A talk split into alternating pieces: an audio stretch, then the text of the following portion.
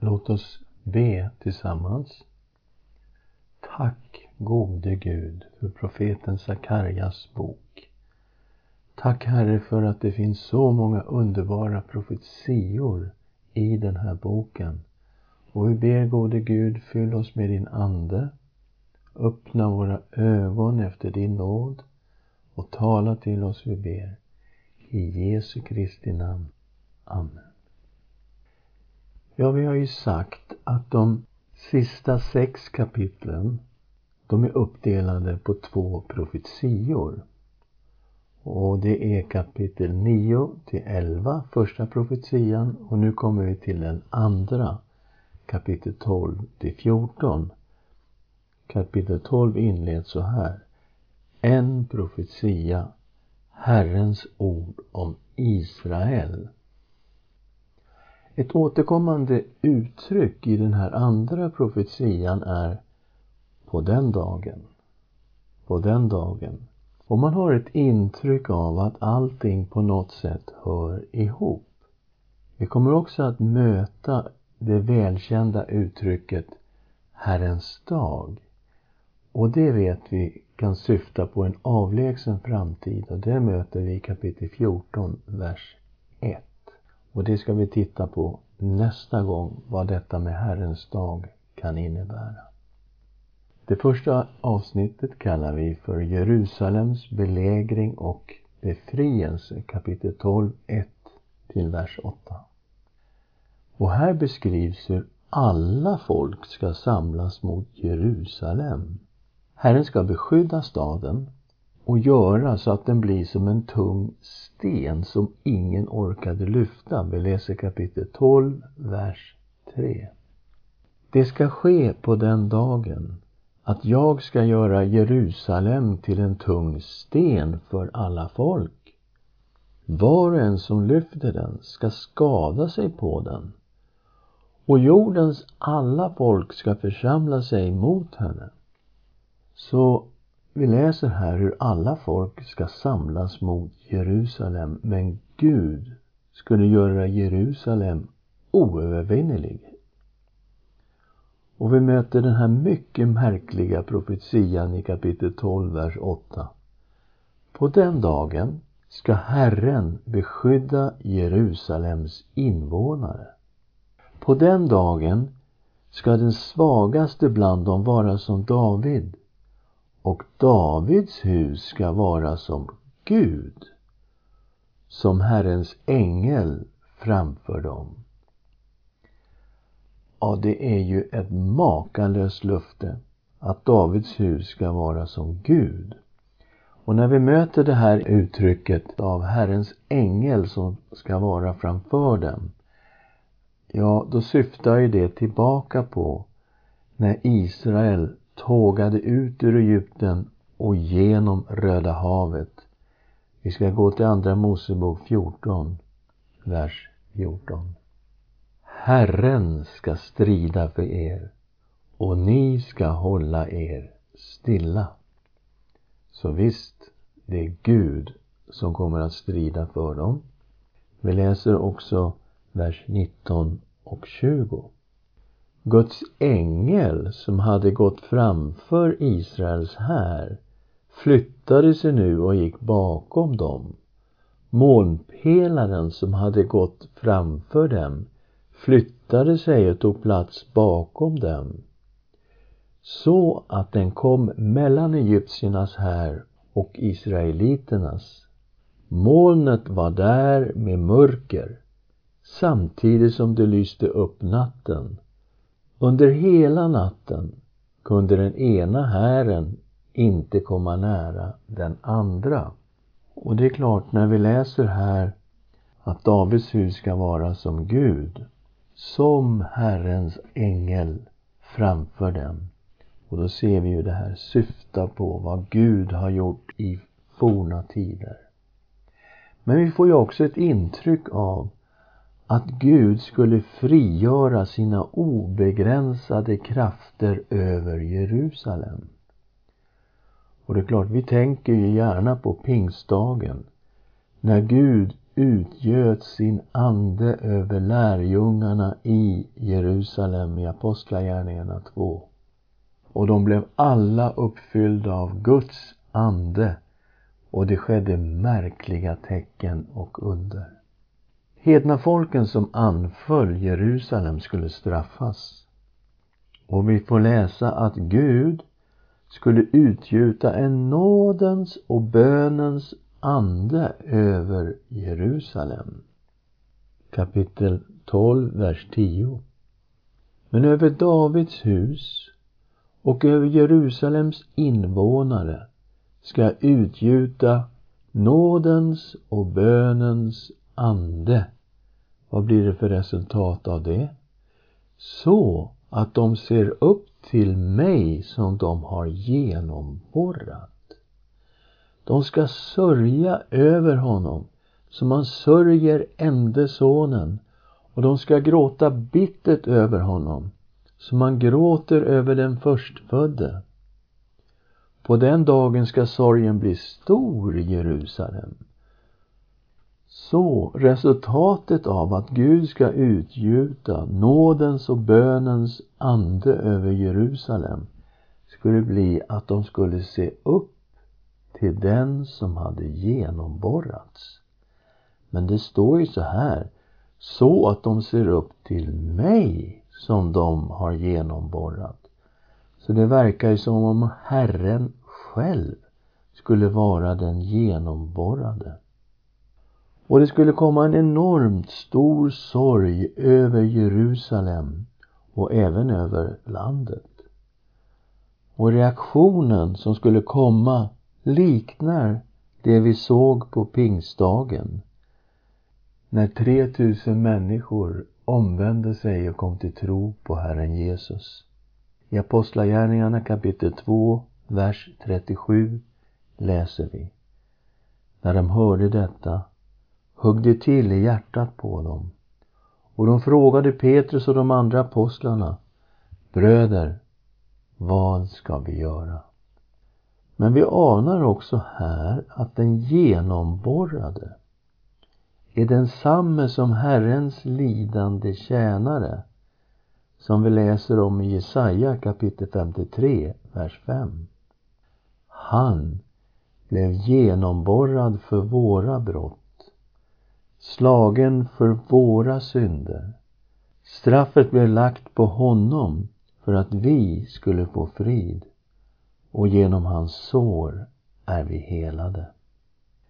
Vi ser också att Johannes citerade den här versen i Sakarja 12 och 10 i samband med att soldaterna genomborrade Jesus med ett spjut vid korset.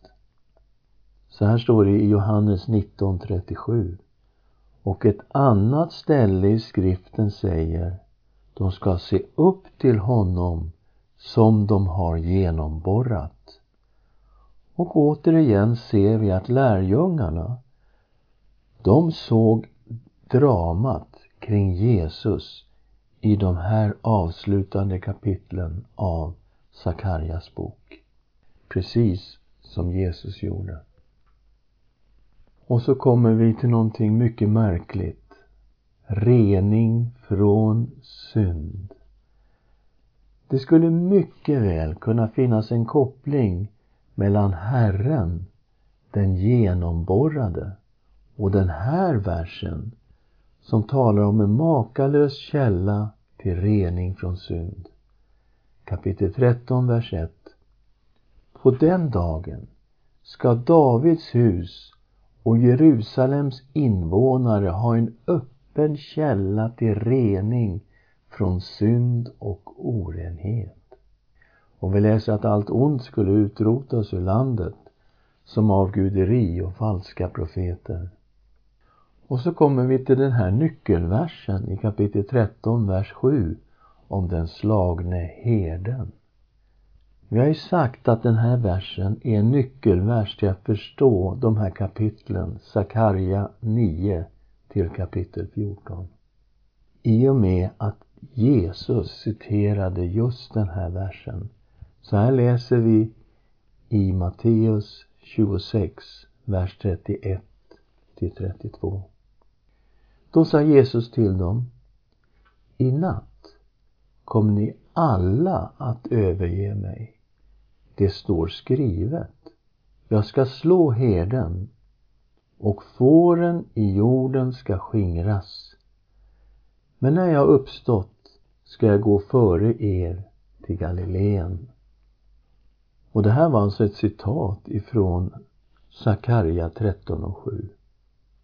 Och det är svårt att förstå någonting annat än att Jesus från den här versen såg att lärjungarna skulle överge honom. Han sa så här I natt kommer ni alla att överge mig.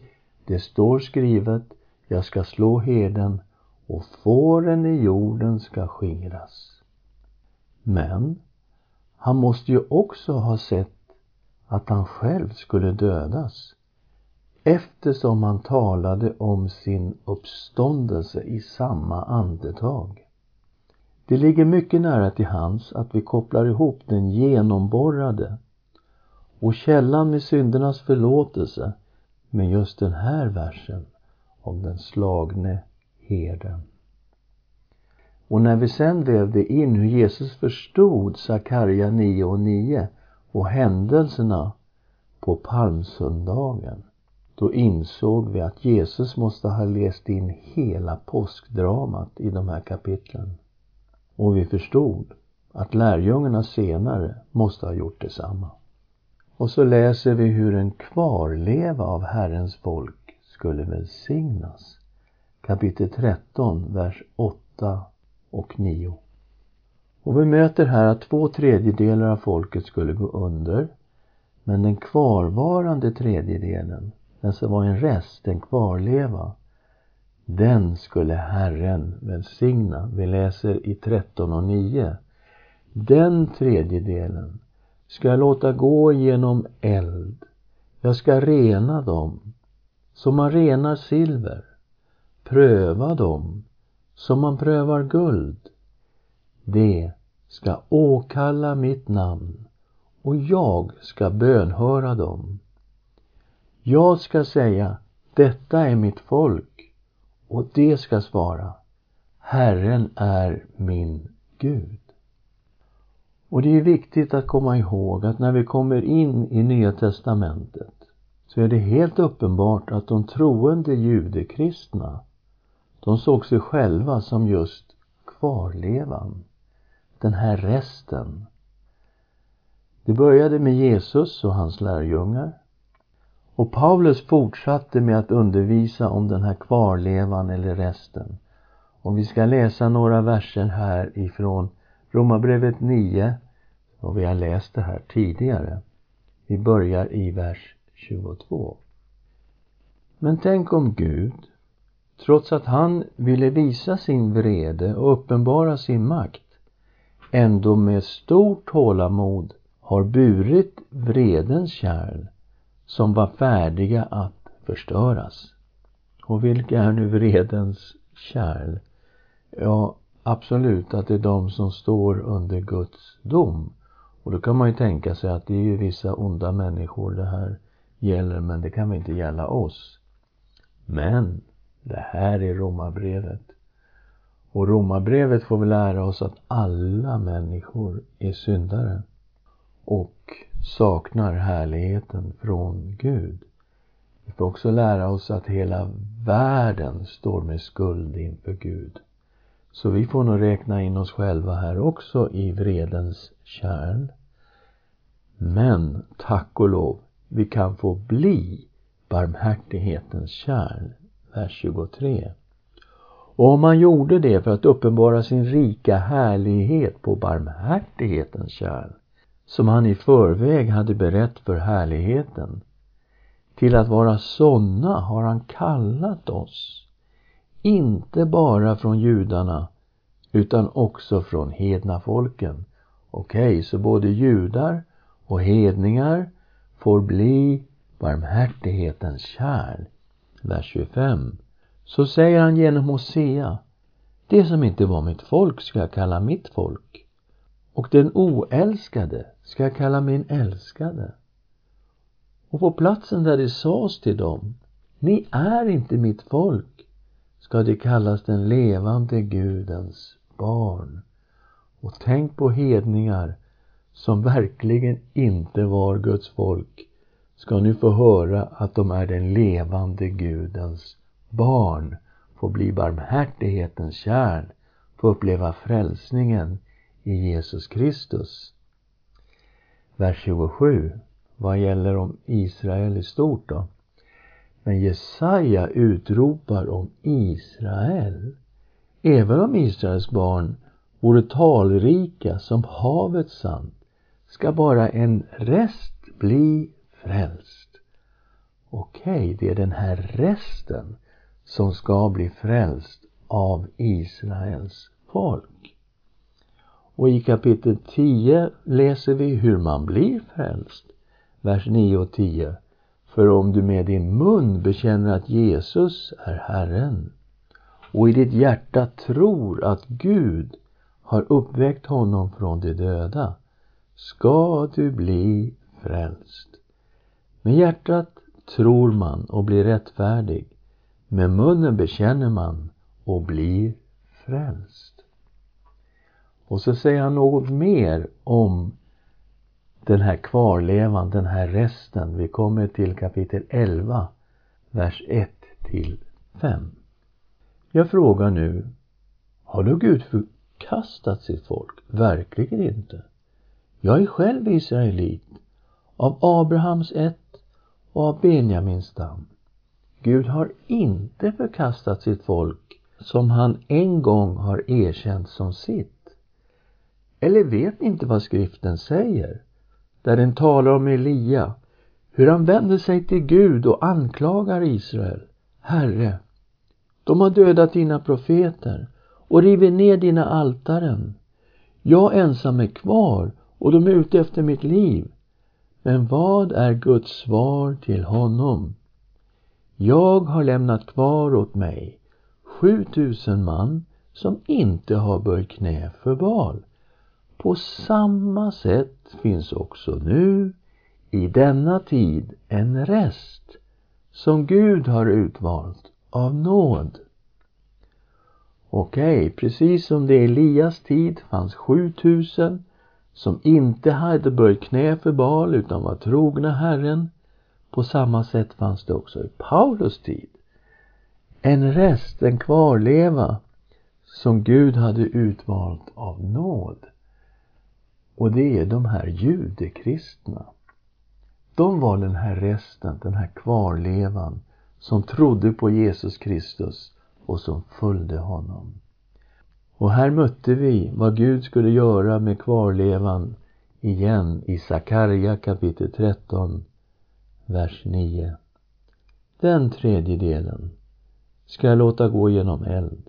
Jag ska rena dem som man renar silver, pröva dem som man prövar guld.